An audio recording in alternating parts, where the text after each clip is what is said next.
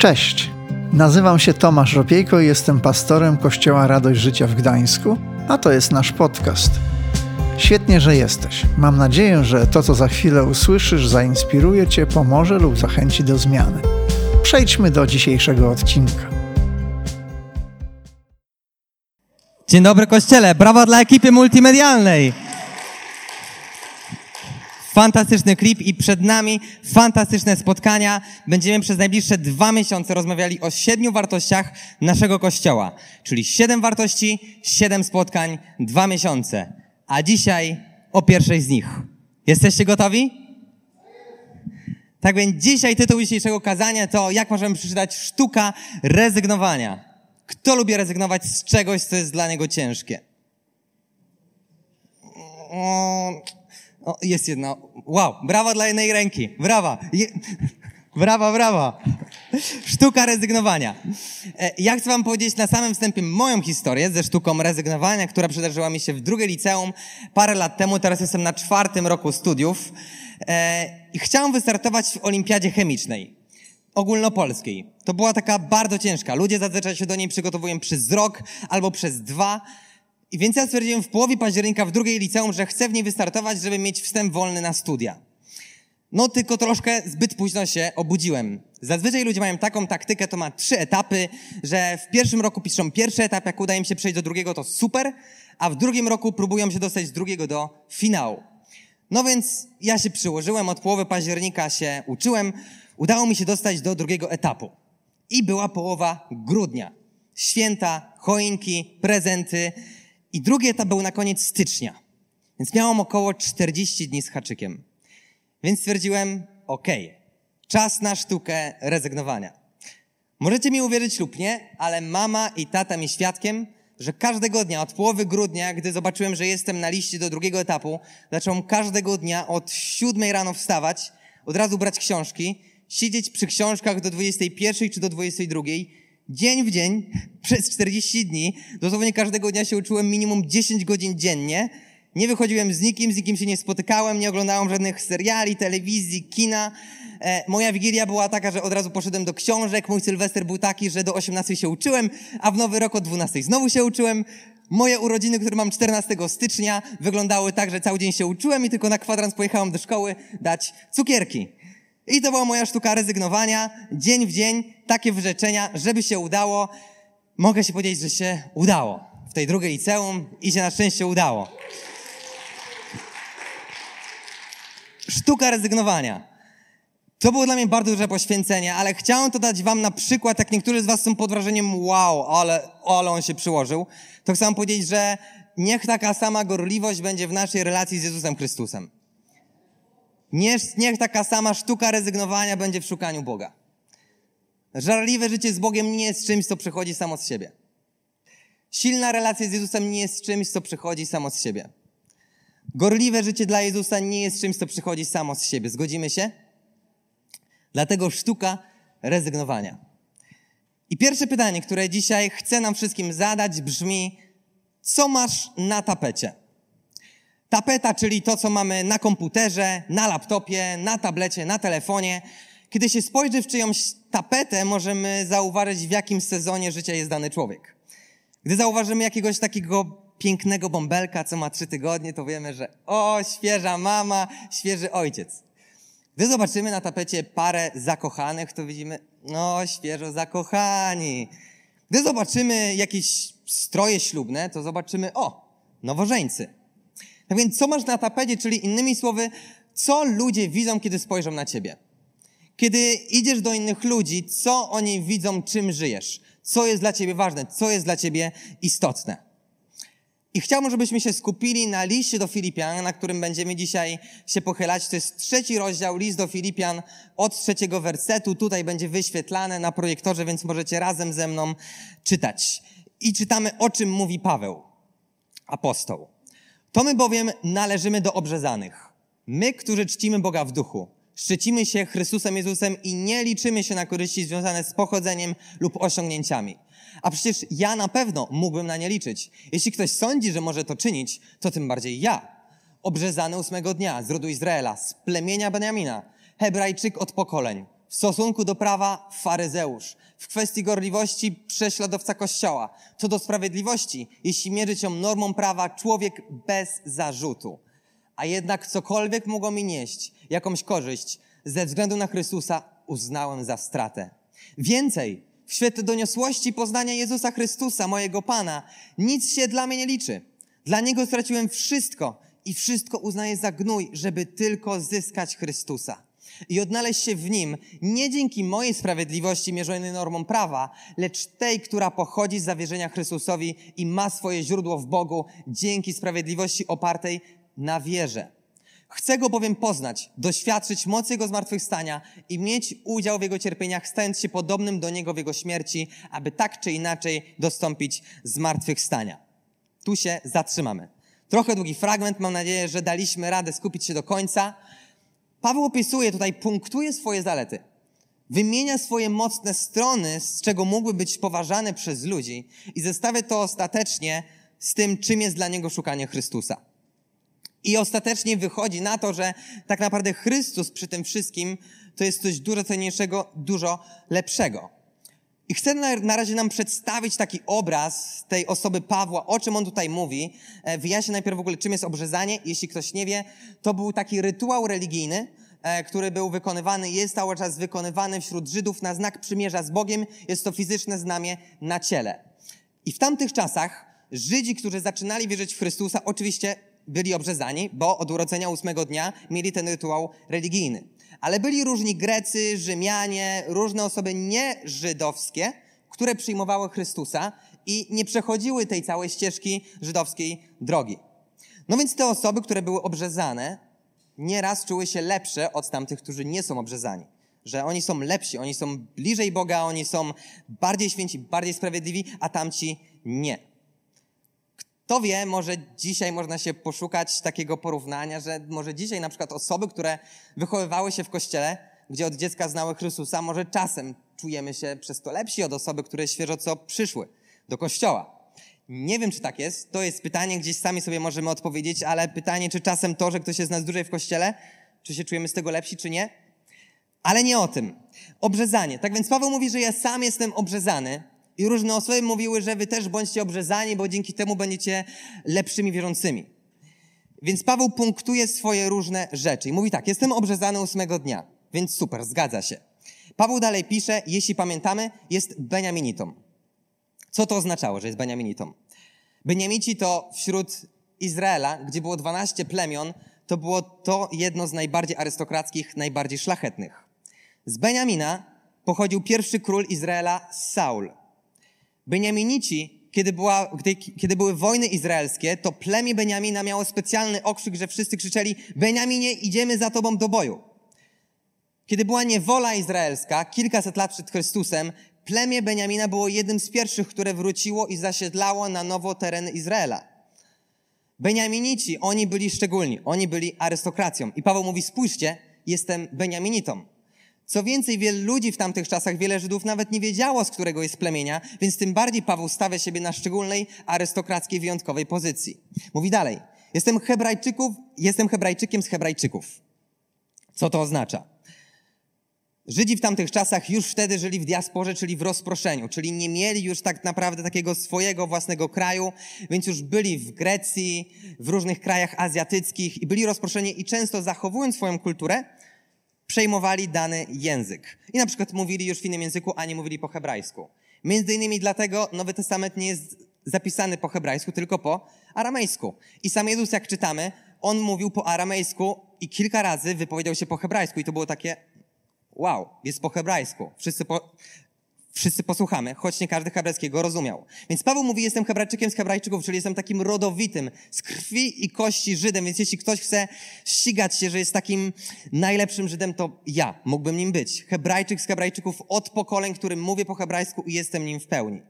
Punktuje się dalej. Ja nam to przedstawiam, żebyśmy mieli taki pełny obraz, kim był Paweł w tamtych czasach, jak bardzo się wyróżniał tą ludzką pozycją, tą ludzką postawą, którą miał.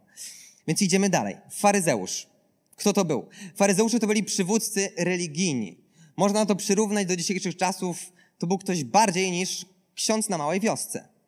który gdy księdzu się daje e, jajka od kury, mleko od krowy, to faryzeusz był kimś jeszcze bardziej poważanym.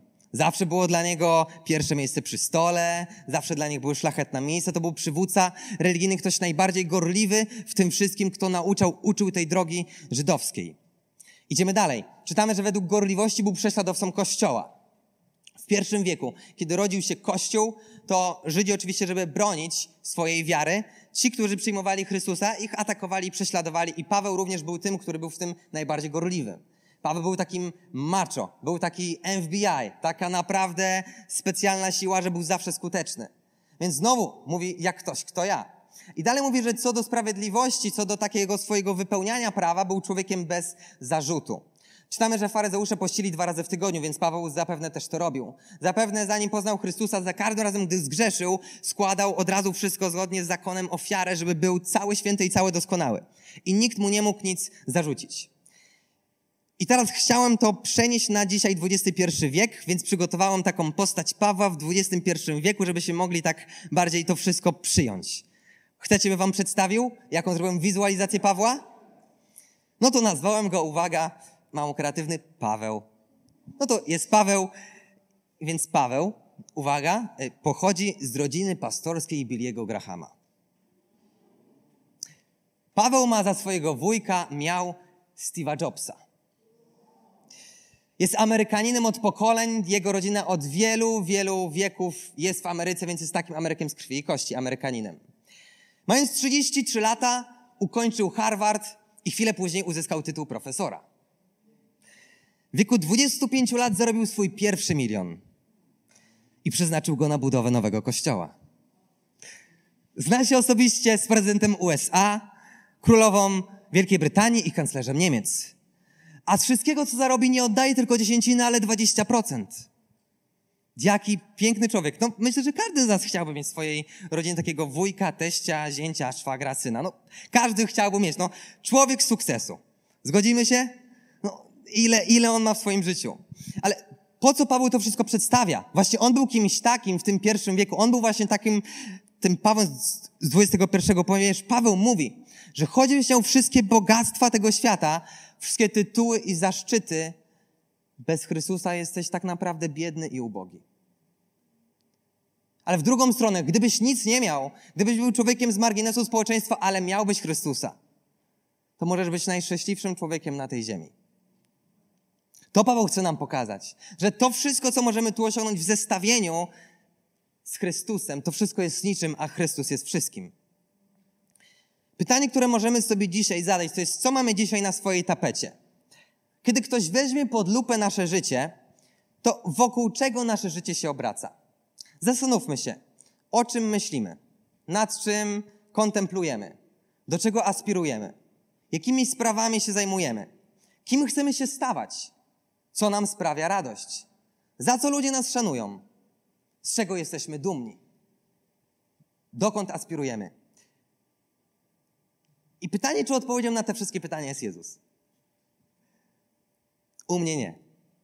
U mnie nie. I dlatego ten werset apostoła Pawła mógłbym go czytać, czytać i czytać, i to jest już dla mnie wystarczająca konfrontacja do tego, że cały czas gdzieś muszę zmieniać swoje priorytety, zmieniać swoje rzeczy, ponieważ Chrystus przy tym wszystkim jest czymś, co jest dużo większym. I widzimy Pawła. Paweł jest człowiekiem, który jest nakierunkowany na Jezusa. E, nie ma dla niego rzeczy ważniejszej od niego. Jezus jest dla niego całym życiem. I ludzie za czym się uganiają wszyscy wokół? Za karierą, za pieniędzmi, za dobrym domem, za świetną rodziną, za pięknym życiem. Paweł mógłby z nimi w tym startować i by mógł wygrać. Zgadzamy się? Ale Paweł mówi, ja nawet nie chcę startować. Dla mnie to nie ma większego znaczenia w porównaniu z Chrystusem. I Paweł, gdyby chciałby, to wygrał, ale Paweł mówi, Chrystus to jest inna liga. Chrystus to jest inna galaktyka. Jakby te wszystkie rzeczy są tu, a Chrystus jest tam. Jezus opowiedział raz w Ewangelii historię o drogocennej perle. Czy niektórzy na sali ją kojarzą? Historię o drogocennej perle? Opowiada o tym, że pewien kupiec znalazł drogocenną perłę i patrzy na nią, ogląda i mówi, a jaka ona jest śliczna, jaka ona jest piękna, chcę ją zdobyć. Więc wszystkie swoje majątności, co miał, cały swój dobytek, dom, wszystkie pola sprzedał, żeby zdobyć, żeby kupić tę jedną perłę. Jezus mówi, że tą perłą jest Królestwo Boże. Tą perłą jest Chrystus. jak bardzo jesteśmy zdeterminowani, żeby pozyskać Chrystusa. Sztuka rezygnowania. Z czego jesteśmy w stanie zrezygnować, żeby być bliżej Niego? Co jesteś w stanie odpuścić ze swojego życia, co jest dla ciebie się kurczowo tak ważne, ale widzisz, że tak pochłania twój czas, twoje myśli, że nie jesteś w stanie być o krok bliżej do Niego. Czy Jezus jest dla nas dzisiaj tą drogocenną perłą? I chciałbym to jedno tak sprostować, żeby nikt mnie później źle nie zacytował. E, Paweł zestawia to wszystko z Chrystusem. Paweł nie mówi, że nie mamy się starać. Paweł nie mówi, że jak, jak jest Chrystus, to pal 6, to ja nie muszę nic robić, ja będę tylko siedzieć 24 na godzinę i się modlić, będę taki duchowy. Nie, tu nie chodzi o to. Bóg nam dał każdemu z nas potencjał, który mamy wykorzystywać, ale w zestawieniu z Chrystusem. W zestawieniu z Chrystusem to wszystko jest dla mnie niczym. Paweł to wszystko robił, ale w zestawieniu z Chrystusem to dla niego nie miało żadnego znaczenia. I jeszcze raz sobie przeczytajmy te wersety. To jest Filipian 3 rozdział 7 i 8 werset. Przeczytajmy je sobie. A jednak cokolwiek mogło mi nieść jakąś korzyść, ze względu na Chrystusa uznałem za stratę. Więcej, w świetle doniosłości poznania Jezusa Chrystusa mojego Pana, nic się dla mnie nie liczy. Dla Niego straciłem wszystko i wszystko uznaję za gnój, żeby tylko zyskać Chrystusa. Poczytałem i mam dla Was słowo greckie, które możemy sobie zapamiętać. E, także słowo greckie, które jest tutaj użyte za to mało przyjemne słowo gnój, to jest słowo greckie skubala. Możemy wszyscy powtórzyć greckie słowo skubala. Skubala. Dokładnie, mała, le, mała lekcja greckiego. I skubala miało dwa tłumaczenia. Jedno to jest coś, co się oddaje psom, a drugie znaczenie to jest po prostu w medycznym słownictwie po prostu gnój kał. I Paweł opisuje bardzo mocnymi słowami, co dla niego oznaczają te rzeczy. Więc a, jeśli myślimy sobie, jesteś człowiekiem, który dorobił się wielkiej fortuny lub chce się dorobić wielkiej fortuny, Paweł na to mówi skubala, gnój. Jeśli jesteś osobą, która chce się dorobić wielkiej pozycji lub dorobiła się wielkiej pozycji, Paweł mówi, że w porównaniu z szukaniem Chrystusa to jest skubala, gnój. Jesteś człowiekiem, który chce czegoś szukać. Chcemy, yy, myślimy czasem o różnych zaszczytach, by zdobyć tytuł profesora, dyrektora, takie zarobki, inne zarobki, żeby mieć taką pozycję, być tak szanowanym, żeby ludzie nas zapraszali, żeby poznać wpływowych ludzi. I tak czasem patrzymy na różne postacie, czy z telewizji, czy, czy z internetu i myślimy, wow, ale on osiągnął sukces, ale Paweł mówi to wszystko. W zestawieniu z Chrystusem jest skubala.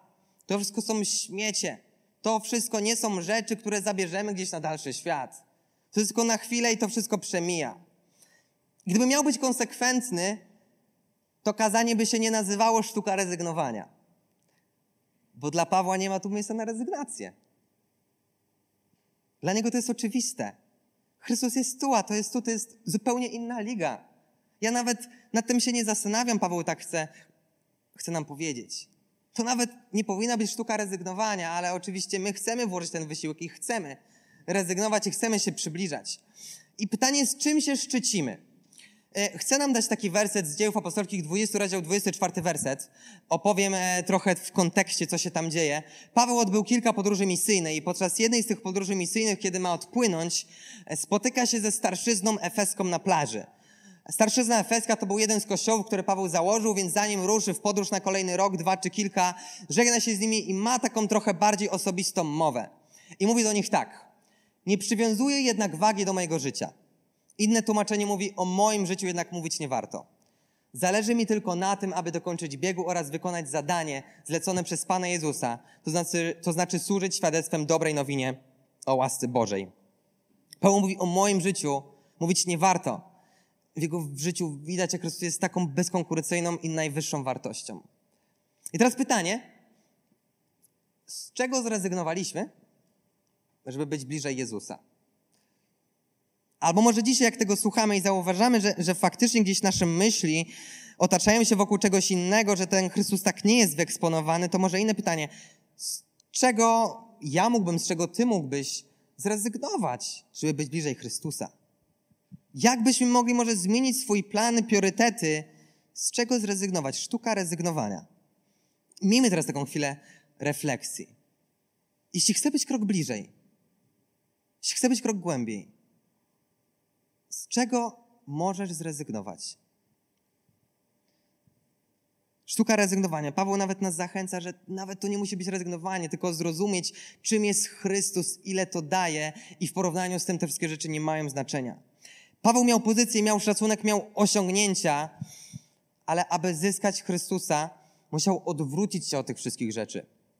Podmioty, które cenił najbardziej, pozostawił, żeby zyskać Chrystusa. Paweł musiał powiedzieć do widzenia religii swojej matki. Musiał powiedzieć do widzenia dziedzictwu swojego ojca. Musiał powiedzieć do widzenia zwyczajom, które miał w rodzinie i wśród przyjaciół, co spowodowało, że oni się od niego odwrócili, porzucili i również przez swoich własnych rodaków zaczął być prześladowany. A śmieszne jest to, że sam chwilę wcześniej innych prześladował i jak się los odwrócił. I sam zaczął być prześladowany.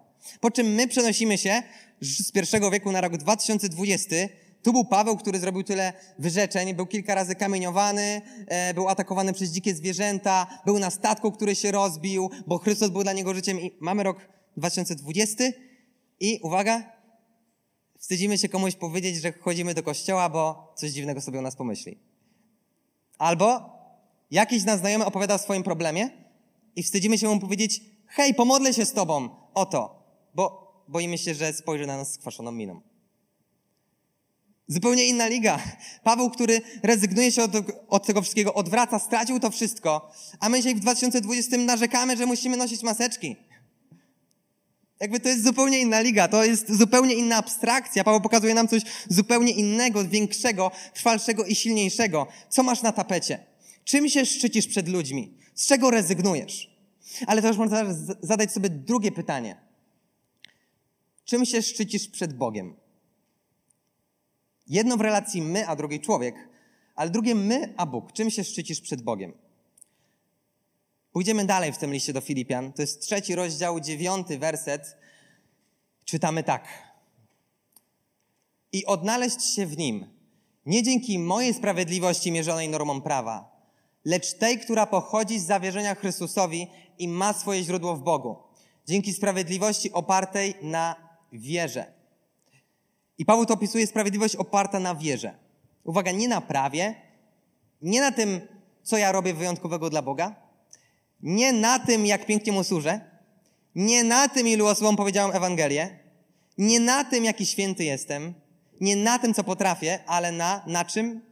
Na wierze jeśli dzisiaj mnie słuchasz i jesteś osobą, która czuje się spięta i ściska ją w żołądku, bo myśli, że musi na Bożą miłość zapracować, coś mu udowodnić, Bogu się pokazać, to pozwól, że chcę Ciebie teraz wyprowadzić z tego błędnego myślenia.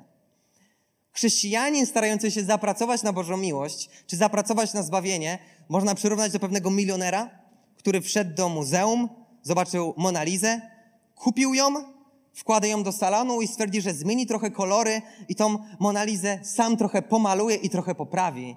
I z każdym machnięciem pędzla psuje i niszczy jej piękno i cudowność tego obrazu.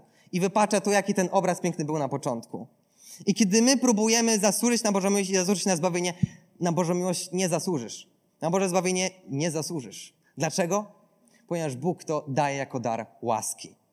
List do Efezjan, drugi rozdział, ósmy werset czytamy, gdyż z łaski jesteście zbawieni. Przez wiarę nie jest to waszym osiągnięciem, ale darem od Boga. Na, na Bożą miłość się nie zapracowuje, Bożą miłość się otrzymuje. Na Boże zbawienie się nie zapracowuje, Boże zbawienie się otrzymuje. Jeśli jesteś dzisiaj i myślisz nad tym, że Boże, muszę coś Ci udowodnić, to Paweł chce Ci to pokazać, nie, sprawiedliwość oparta na wierze. Nie musisz Bogu nic udowadniać. Czym się szczycisz przed Bogiem? Może czujesz się czasem jakiś bardziej święty, bardziej lepszy, albo może coś zrobiłeś złego i czujesz, że teraz musisz nadrobić, nadrobić i Bogu pokazać, że jesteś wart. Nie, kochani, to nie jest życie w łasce, to jest życie w pewnym legalizmie i nie musimy się tego trzymać. Nie musisz żyć w stresie i bojaźni, czy jesteś dla Boga wystarczający. Jesteś wystarczająco wystarczający, bo Jezus umarł za ciebie na krzyżu. Więc jesteś wystarczająco wystarczający, bo dwa tysiące lat temu pokazał to na krzyżu. I więc Paweł mówi, cokolwiek mogłem liczyć jako korzyść ze względu na Chrystusa, uznaję za stratę. I to jest nasza pierwsza wartość Kościoła. Jezus jest naszym czym? Życiem. Jezus jest naszym życiem. Oznacza to, że my jako Kościół chcemy być znani z tego, że kochamy Chrystusa, prawda? Jako Kościół chcemy być znani z tego, że Go szukamy, że Go kochamy. Jako Kościół Radość Życia w Gdańsku chcemy innym pokazywać, że Jezus jest naszym sercem, że relacja z Bogiem jest dla nas ważna, jest istotna. Jako Kościół Radość Życia w Gdańsku chcemy mówić ludziom o tym swoim słowem i swoim czynem, że Jezus jest dla nas najważniejszy, że Jezus jest naszym życiem, że Jezus jest naszym sercem. Wierzymy w to? Filipian pierwszy rozdział, 21 werset. Możemy przeczytać kolejne zdanie, wręcz kolejne twierdzenie, które też jest bardzo znane w Pawłowych wypowiedziach. I czytamy tak, bo dla mnie życie to Chrystus, a śmierć to zysk. Co to znaczy, że Chrystus jest, wpierw, e, co to znaczy, że coś jest moim życiem? Kiedy powiem, że piłka nożna jest moim życiem, to oznacza to, że kiedy mam wolny czas, to idę kopać z chłopakami w piłkę. Kiedy jadę na wakacje, to szukam, gdzie jest jakiś mecz piłki nożnej, na który mogę pójść. Kiedy jestem w pracy, to sprawdzam w swoim telefonie, jakie są wyniki meczu. Kiedy kogoś poznaję nowego i ta osoba też uwielbia piłkę nożną, to możemy gadać godzinami o tym, rozmawiać i rozmawiać o tej piłce nożnej. Kiedy sobie skręcę kostkę i nie mogę pójść na mecz, albo grać w piłkę, to czuję się taki załamany, czuję, że nie jestem sobą. Piłka nożna jest wtedy moim życiem. Kiedy wejdziesz do mojego pokoju, są na drzwiach plakaty różnych piłkarzy znanych. Więc co może oznaczać, że Chrystus jest moim życiem? Co może oznaczać, że Chrystus jest moim życiem? Kiedy mam czas wolny, biegnę poczytać Biblię i się modlić, bo Chrystus jest moim życiem. Kiedy jestem na wakacjach, szukam, gdzie jest kościół, do którego mogę pójść, żeby mieć społeczność z ludźmi wierzącymi. Kiedy wchodzę do swojego pokoju, to na ścianach mam wersety biblijne, które odmieniły moje życie i są dla mnie istotne. Kiedy jestem w pracy, to patrzę, czy w aplikacji Biblia w telefonie jest może jakiś werset dnia, który mnie zainspiruje. Kiedy kogoś poznaję nowego i ta osoba też jest zakochana w Chrystusie, mogę z nią rozmawiać godzinami o tym i czuć, jakbyśmy się znali przez wiele lat. Chrystus jest moim życiem. Chrystus jest moim życiem. Wokół czego otaczają się Twoje myśli? Co masz na tapecie? Przed czym szczycisz się przed ludźmi? Z czym szczycisz się przed Bogiem? Jeszcze w kontekście tego wątku szczycenia się przed Bogiem jest jedna rzecz, którą chcę dodać, jedno zdanie, które kiedyś usłyszałem parę lat temu jest to oczywiście bardzo stare zdanie, teologa z XVIII wieku, także jest takie solidne i mocne. I naprawdę jest całkiem dosadne zdanie, ale kiedy je usłyszałem parę lat temu, kiedy w swoim życiu myślałem, że muszę zapracować jakoś na Boże odkupienie, muszę zapracować jakoś, żeby się przybliżyć do Boga, to zdanie zawsze mi coś pokazywało. I to zdanie brzmi, powiedział je, żebym nie przekręcił nazwiska, Jonathan Edwards, teolog z XVIII wieku jedyne, co możemy wnieść do zbawienia, to nasz grzech, który uczynił je koniecznym. Jedyne, co możemy wnieść do zbawienia, to nasz grzech, który uczynił je, który uczynił je koniecznym. Nie nasza świętość, nasza zaradność, nasza produktywność, nasza miłość do innych ludzi i tak dalej. Nie, po prostu to wszystko w zestawieniu z łaską Chrystusa, z Chrystusem jest niczym. I ja nie muszę zapracowywać i tak dalej, bo po prostu ja to mam.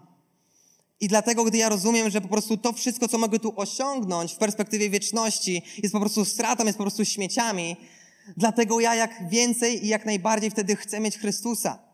Bo gdy zrozumiem, że te wszystkie moje starania wokół tak naprawdę nic w perspektywie przyszłości i życia po śmierci nic mi nie dadzą, ale to, co mi da, to bycie bliżej Chrystusa, wtedy się zmieni nasza perspektywa. Wtedy sztuka rezygnowania już niekoniecznie zawsze będzie sztuką rezygnowania, ale sztuką dążenia do tego, co najbardziej kochamy. Także możemy sobie zadawać te pytania, wokół czego toczy się nasze życie, czy wokół naszej pracy, rodziny, hobby, sportu, rozrywki. Kiedy mamy do podjęcia ważne decyzje o przeprowadzce, o nowej pracy, o zrezygnowaniu z określonych czynności, zachowań, jak ważne jest dla Ciebie i dla mnie, dla każdego z nas, żeby szukać w tym Bożej woli, żeby modlić się, Boże, co mam zrobić? A zamiast hop będzie więcej kasy, idę, albo hop będzie lepsze miejsce, idę. Tylko, Boże, co dla Ciebie jest najlepsze dla mnie? I suma summarum, Kolejna konfrontacja. Gdybyś dzisiaj wychodzisz z kościoła i byś się dowiedział, że straciłeś cały swój majątek, dom, samochód, pieniądze, konto w banku, czy w Chrystusie byś był osobą szczęśliwą? To, że mając Chrystusa, byś był szczęśliwy. Suma summarum, wychodzisz stąd i, i dowiadujesz się, że Twoja cała ro rodzina się od ciebie odwróciła i przyjaciele cię zostawili. Albo może nawet straciłeś ich i zostałeś sam jak palec. Czy byś był osobą szczęśliwą? Bo Paweł mówi że mocne słowa, że to Chrystus jest tym, co się dla mnie liczy, a to wszystko inne uznaje za, za stratę. I, I, są to bardzo mocne słowa, ale spojrzymy na Hioba w Starym Testamencie. I Hiob mówi, nagi przyszedłem i nagi wróciłem. Pan dał i Pan zabrał. Pan dał i Pan wziął. Cokolwiek mogę uzyskać za, za korzyść ze względu na Chrystusa, uznaję za stratę i to wszystko są dla mnie śmieciami w zestawieniu z Chrystusem. To jest taka konfrontacja, która dla mnie też jest bardzo mocną konfrontacją, w jakim miejscu jestem i jak bardzo moje serce jeszcze powinno bardziej szukać Chrystusa, bardziej Go kochać, bardziej gorliwie. Dlaczego? Ponieważ pierwszą wartością naszą Kościoła jest co? Jezus jest naszym życiem. Więc jako Kościół chcemy być z tego znani. Jako Kościół chcemy być z tego dumni, że Jezus jest dla nas najważniejszy. Jako Kościół chcemy się tym szczycić, że Jezus w naszych sercach jest numer jeden. Jako Kościół chcemy być z tego bardzo szczęśliwi, że to Jezus zajmuje najważniejsze miejsce w naszym życiu i wokół Niego budujemy całą resztę. Albowiem dla mnie życiem jest Chrystus, a śmierć zyskiem. I kiedy już zrozumiemy to, jak bardzo wszystko wokół, nas otacza, jest śmieciami w porównaniu z przybliżaniem się do Chrystusa. Że w życiu nie chodzi o to, kim jesteśmy, co posiadamy, ale o to, by na naszej tapecie był Jezus. Że chcemy rezygnować z różnych aspiracji po to, żeby być bliżej Chrystusa. Jeszcze w tej układance brakuje nam jednego puzla. Jednego ostatniego na sam koniec. I Paweł również o nim mówi. I do tego werset dalej. Bo puzzle składają się w całość. List do Filipian, trzeci rozdział, dziewiąty werset czytamy tak. E, to przeczytaliśmy wtedy wcześniej. Ta, ten, e, ten ostatni element, o, i odnaleźć się w nim. Nie dzięki mojej sprawiedliwości. Zamotałem się.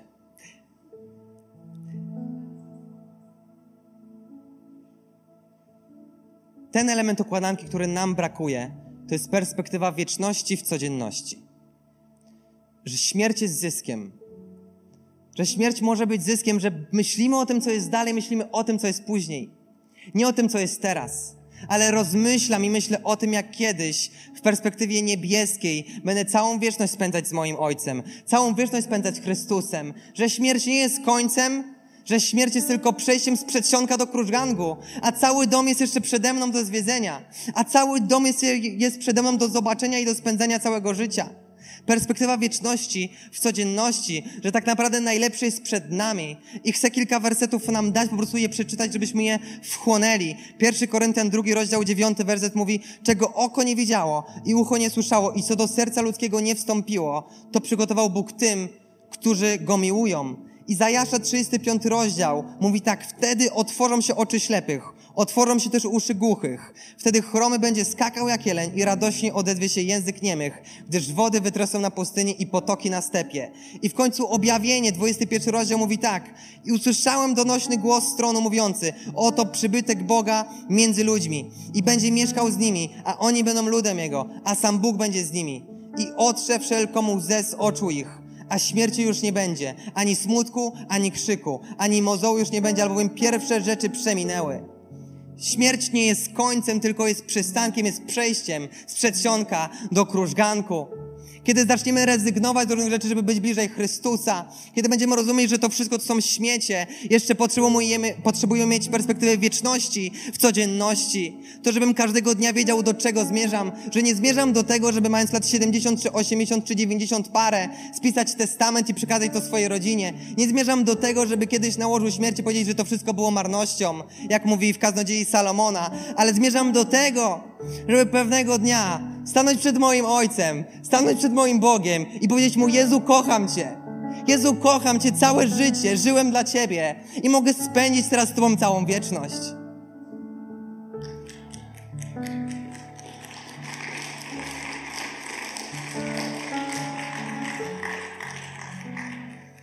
Apostołowie Jezusa, cała dwunastka, wszyscy oni poza Janem zginęli śmiercią męczeńską albowiem dla mnie życiem jest Chrystus, a śmierć zyskiem.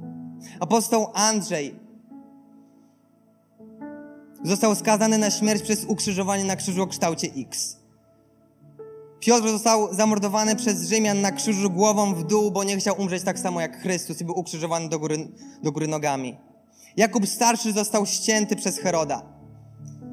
Filip został przebity żelaznymi haczykami w kostkach i powieszony do góry nogami, aby umrzeć. Tomasz był przebity włócznią. Juda Tadeusz został zabity maczugą lub ścięty toporem. Bartłomiej został obdarty ze skóry. Mateusz, czytamy, że został zadźgany nożem w różnych podaniach. Szymon Zelota również został zabity. Jakub Młodszy ukamieniowany na śmierć. Maciej ukrzyżowany przez Zymian i ścięty. I Jan był jedynym, który nie umarł śmiercią męczeńską, bo śmierć jest dla mnie zyskiem, a życiem dla mnie jest Chrystus. I cokolwiek mogę zdobyć, być na tym świecie uznaję za śmiecie w doniosłości tego, co mam w Jezusie Chrystusie. Bo nagi przyszedłem i nagi stąd wrócę i cokolwiek stąd osiągnę jest niczym w porównaniu z tym, co będę mieć we wieczności. Dlatego naszą wartością numer jeden jest to, że Jezus jest naszym życiem. Jest to, że Jezus jest naszym sercem. Jest to, że relacja z Bogiem jest dla nas ważna i cenna. Jest to, że chcemy być bliżej Niego. Co dla Niego poświęcasz? Od czego jest ważniejszy, jak bardzo jest istotne dla ciebie, by być obok niego. Jakiś czas temu chciałam się dostać do mojej znajomej, odwiedzić ją, żeby coś jej przynieść. I dzwonię i dzwonię na domofon i nic. To dzwonię głośniej i przyciskam i dzwonię przez pół minuty i cały czas jest ten dźwięk i nic. Więc mówię, dobrze, to może zadzwonię do niej. Może wtedy usłyszy. Dzwonię i nic. Więc myślę, może połączę dwie rzeczy. Może będę dzwonić tu i dzwonić tam. I dzwonię i dzwonię i nic i nie mogę się do niej dodzwonić. Mam nadzieję, że było to słychać.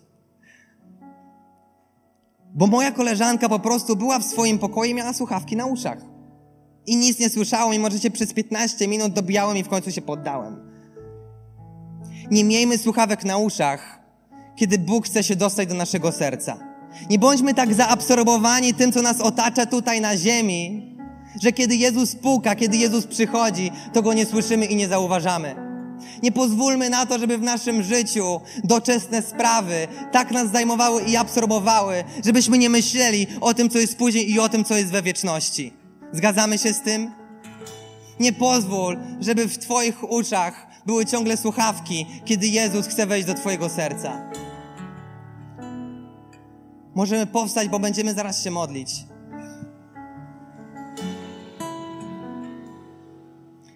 Paweł mówi, albowiem dla mnie życiem jest Chrystusa, śmierć zyskiem. Paweł, który był wielkim arystokratą, wykształconym człowiekiem, wyedukowanym, gorliwym i żarliwym. I mogło być najbardziej poważane ze wszystkich. Ale mówi, to wszystko jest dla mnie niczym w porównaniu z tym, czym jest dla mnie Chrystus.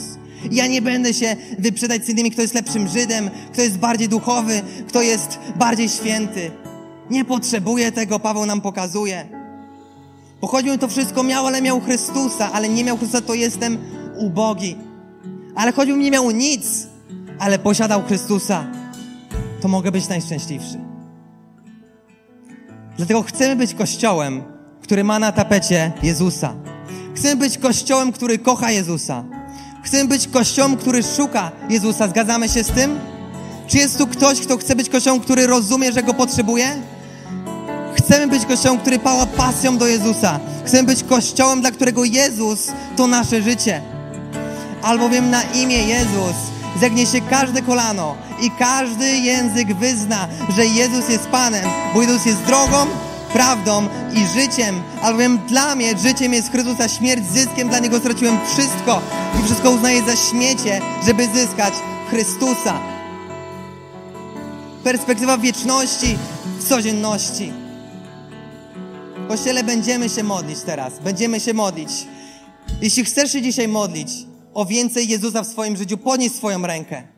I trzymajmy ręce w górze na znak tego. Jeśli chcesz się modlić, żeby przybliżyć się do Niego, podnieś swoją rękę. Jeśli czujesz, że potrzebujesz z czegoś rezygnować, żeby być bliżej Niego, podnieś swoją rękę na znak gotowości przed Bogiem. Podnieś swoją rękę, jeśli chcesz, żeby dla Ciebie życiem był Chrystus.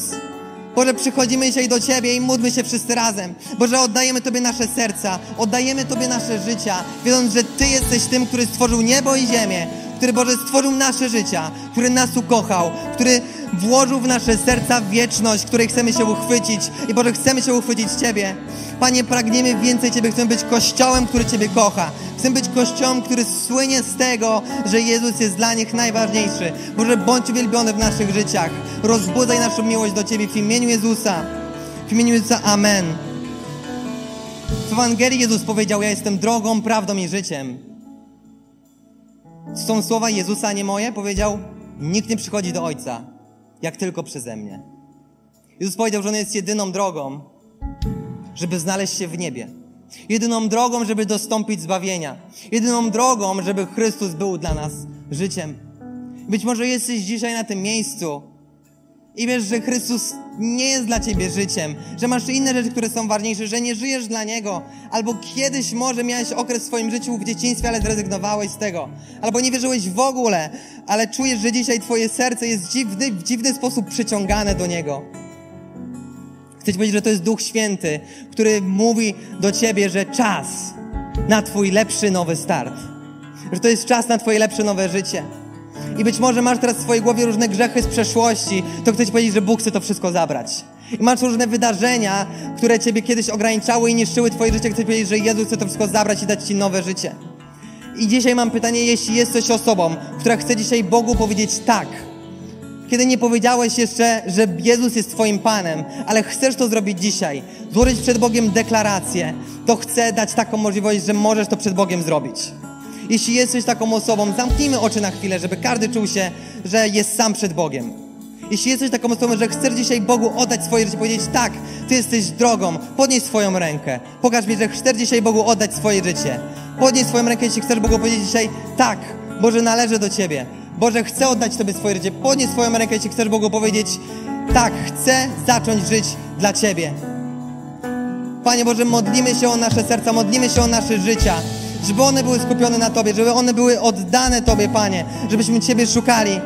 Jezu, krusz nasze serca, żebyś to Ty był naszym Panem i proszę Ciebie o każdą osobę, która jest na tej sali i pragnie Ciebie, pragnie oddać Tobie swoje życie. Duchu Święty, przemień ją, Duchu Święty, odmień ją. Panie, wylewaj się na, na te osoby i umacnij je i prowadź je. Bądź uwielbiony, Ojcze, bo Ty jesteś tym, dla którego chcemy żyć. Amen. Kościele, perspektywa wieczności i codzienności. Jezus na nas czeka, amen. A gdzie będziemy my? Na której trasie będziemy biec? Czy będziemy biec, żeby wystartować? Czy będziemy biec, żeby dobiec na metę? Meta jest przed każdym z nas. Meta jest przed każdym z nas, która na nas czeka i na której czeka dla nas Chrystus. A Chrystus nie czeka tylko na mecie, ale biegnie z każdym z nas. I nawet kiedy nam jest ciężko, Jezus wtedy nas podnosi. Jezus wtedy Ciebie podnosi.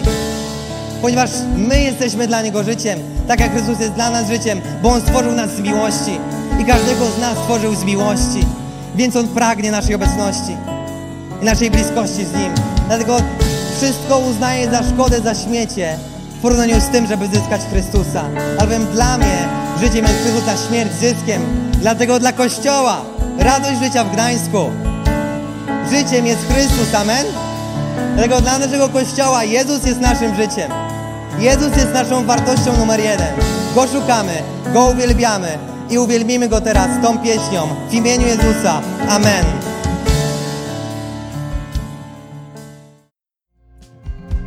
Dzięki, że zostałeś z nami do końca. Pamiętaj, że odcinki pojawiają się w każdy poniedziałek o 18. Jeśli chcesz dowiedzieć się o nas więcej, to wejdź na stronę kazetgdańsk.org. Do usłyszenia.